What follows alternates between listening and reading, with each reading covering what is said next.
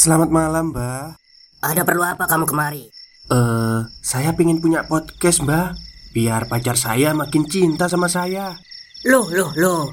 Mau bikin podcast kok tanya dukun? Sekarang kamu download aplikasi Anchor.fm. Di situ kamu bisa buat podcast gratis dan podcast kamu bisa didistribusikan ke platform mana pun. Dan di aplikasi atau website Anchor.fm juga terdapat fitur-fitur yang memudahkan kamu untuk membuat podcast. Oh, gitu ya, Mbak. Kalau gitu, saya boleh minta password wifi-nya, Mbak. Buat apa? Buat download Anchor.fm, Mbak.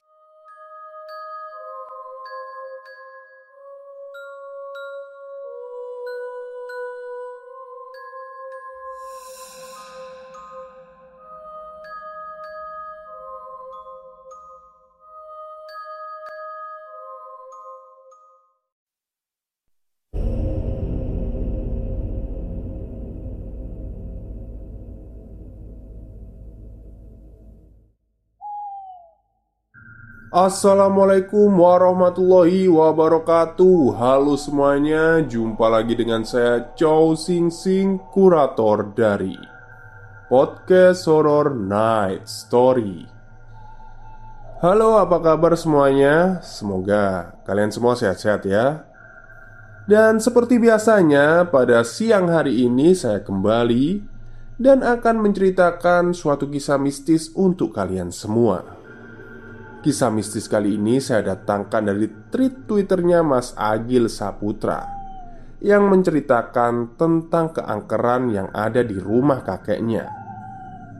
Seperti apa kisahnya? Mari kita simak.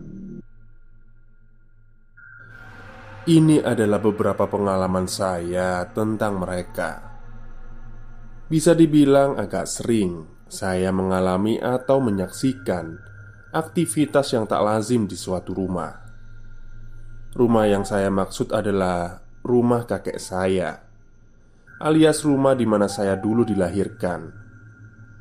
Awalnya sih takut, tapi lama-lama saya mencoba terbiasa karena sepertinya sangat mustahil untuk terbiasa dengan hal seperti itu. Kalau kata almarhum bapak saya, Dulu rumah itu adalah rumah orang Belanda yang diambil alih oleh Jepang dan direbut lagi oleh tentara peta untuk dijadikan barak atau tempat tinggal. Setelah kemerdekaan, rumah ini dialihfungsikan menjadi balai desa. Nah, kira-kira 10 tahun kemudian, kakek saya jadi lurah di desa itu. Entah gimana ceritanya, akhirnya rumah itu dibeli oleh kakek saya.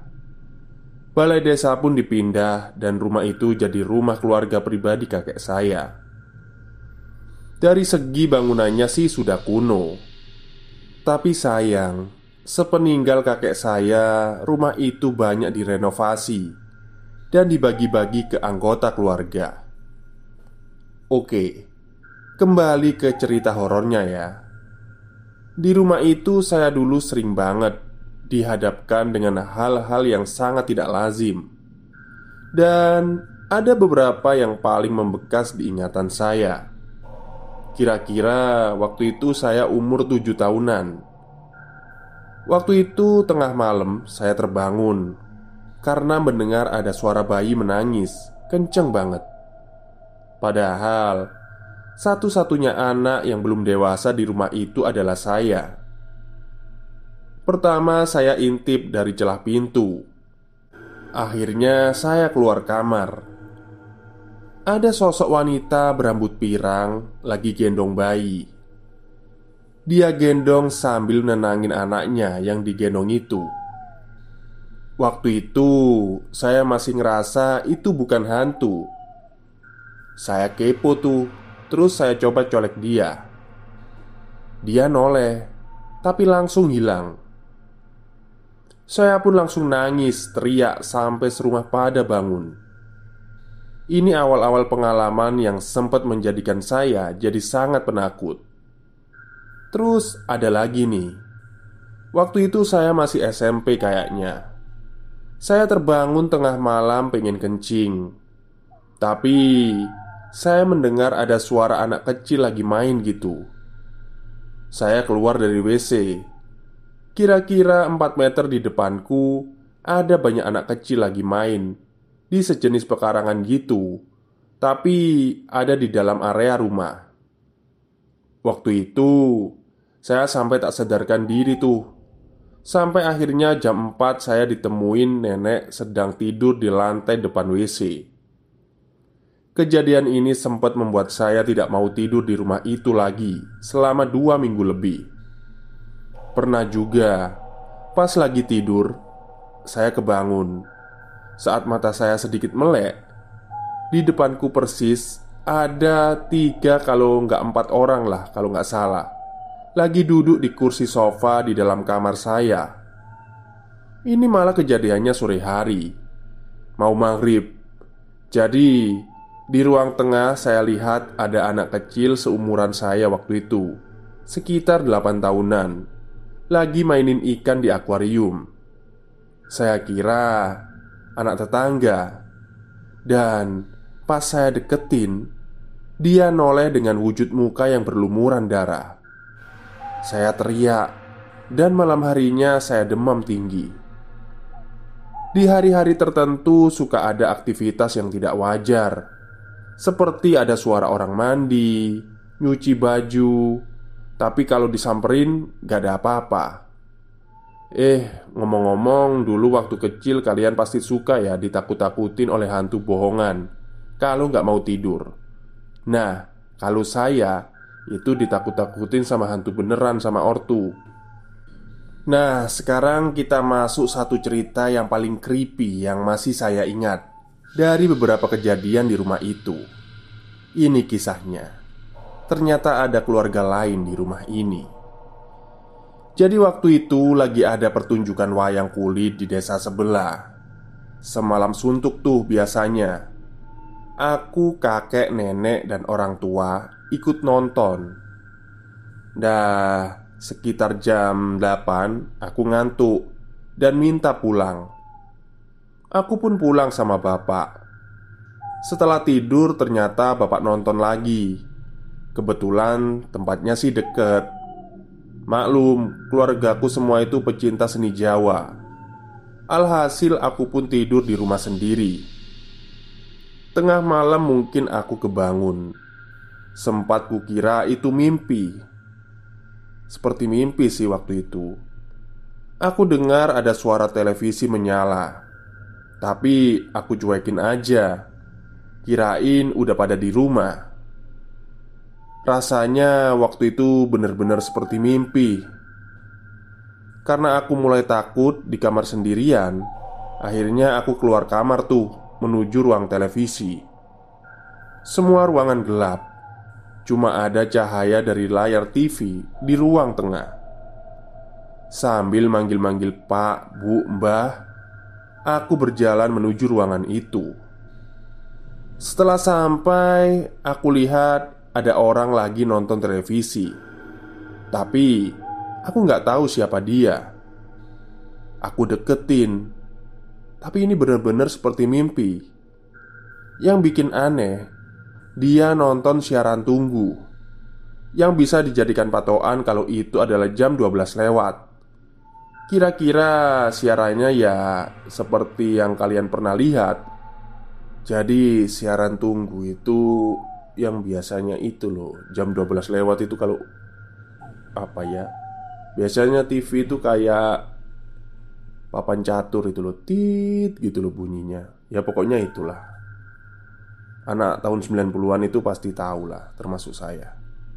Oke lanjut Akhirnya saya mendekat dengan sosok itu. Kira-kira selangkah lagi jarak saya. Tiba-tiba televisi mati Dan semuanya gelap. Saya ketakutan. Saya pun lari menuju kamar sambil menangis Dan manggil Pak Bu. Saya selimutan tuh, kerukupan kalau orang Jawa bilang. Sambil teriak-teriak pak bu, anehnya Gamelan dari pertunjukan wayang sama sekali tidak kedengeran Itu yang membuat saya mikir seperti mimpi Dari dalam selimut, saya seperti melihat bayangan hitam.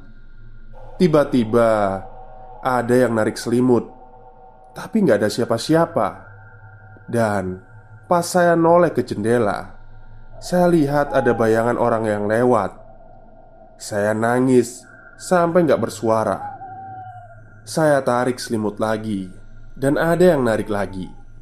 Dan di jendela ada sosok pria berkumis yang jelas itu bukan muka yang aku kenal Agak samar-samar tapi jelas terlihat Saya tarik lagi tuh selimut Sambil nangis sampai nggak bisa teriak Stop, stop Kita break sebentar Jadi gimana?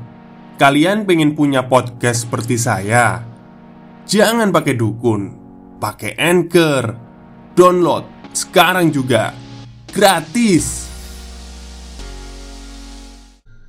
Ada yang narik selimut lagi Dibarengi dengan suara ketawa. Suaranya si laki-laki. Dan sosok di jendela masih ada Seperti melotot sambil tersenyum ke arah saya. Saya pun beranjak dan lari keluar. Campur aduk gak karuan hati saya Di luar kamar suasananya kembali sepi. Saya tetap lari tuh. Tapi bingung seperti gak sampai-sampai kayaknya jauh banget. Mungkin karena efek ketakutan. Di ujung lorong Saya dicegat oleh sosok putih. Kabur-kabur wujudnya. Tapi jelas itu seperti sosok wanita. Lebih dari satu. Yang dua kecil dan yang satunya tinggi Yang satunya lagi itu tinggi kayak orang dewasa Jadi ada tiga sosok seingat saya. Sambil ketawa gitu Otomatis ketika saya melihat itu Saya menghindari mereka dan balik arah. Saya lari nyari pintu depan Tapi sepertinya nggak ketemu-ketemu gitu. Bingung deh pokoknya. Dan saat itu saya juga mikir Ini mimpi apa beneran sih? Akhirnya saya nemu suatu ruangan. Dan itu adalah kamar kakek saya Saya masuk di situ berharap di situ lebih aman Saya lompat dan terlungkup di kasur selimutan. Eh, selimutnya ada yang narik lagi, dan ada anak kecil di samping tempat tidur. Dia bilang, "Laten wespelen, laten wespelen." Saya nggak bakalan lupa kata-kata itu sampai detik ini. Akhirnya saya coba nyari, artinya ternyata itu adalah bahasa Belanda yang artinya "ayo main". Saya tarik selimut saya lagi dan di luar seperti suara gaduh anak-anak kecil lagi bermain. Saya takut, tetap saja saya selimutan terus dan mikir semoga ini hanya mimpi. Tapi biasanya kalau orang mimpi pasti nggak akan punya pikiran untuk menyadari bahwa itu mimpi Alias seperti nyata Tahu nggak sih maksudnya? Terus suasana kembali sepi waktu itu Tapi dari dalam selimut saya kembali lagi seperti melihat bayangan di depan dan di atas kepala saya. Seperti merasakan ada orang nih di sini. Fak banget deh waktu itu. Dan waktu itu saya masih di dalam selimut. Seperti ada yang melompat-lompat di kasur. Sampai goyang-goyang gitu kasurnya. Sambil bilang, "Hei, hei." Aku takut setengah mati. Aku masih ngerasa itu hanyalah mimpi. Saking takutnya, aku beranjak dari kasur dan lari keluar lagi, dan akhirnya nempu, nemu pintu keluar. Saya nangis sejadi-jadinya di luar, dan saya lihat bapak dan keluarga saya baru pulang nonton wayang. Bapak lari meluk aku sambil bilang, "On opo le?" Ternyata sudah jam 4 pagi. Saat itu saya baru sadar kalau itu nyata bukan mimpi.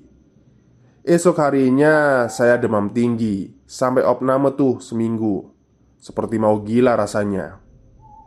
Tempo hari saya tanya ke Pak D Tentang sejarah rumah kakek ini. Pak Diku bilang katanya Masa direbutnya bangunan itu dari Belanda oleh Jepang? Ada kejadian tragis di situ Ada anak kecil yang sampai dibunuh katanya sih Dan saat bangunan itu dikuasai Jepang terus direbut lagi oleh tentara peta atau Hizbullah banyak tentara Jepang yang harakiri atau bunuh diri demi kehormatan di situ. Katanya sih di dekat kamar mandi.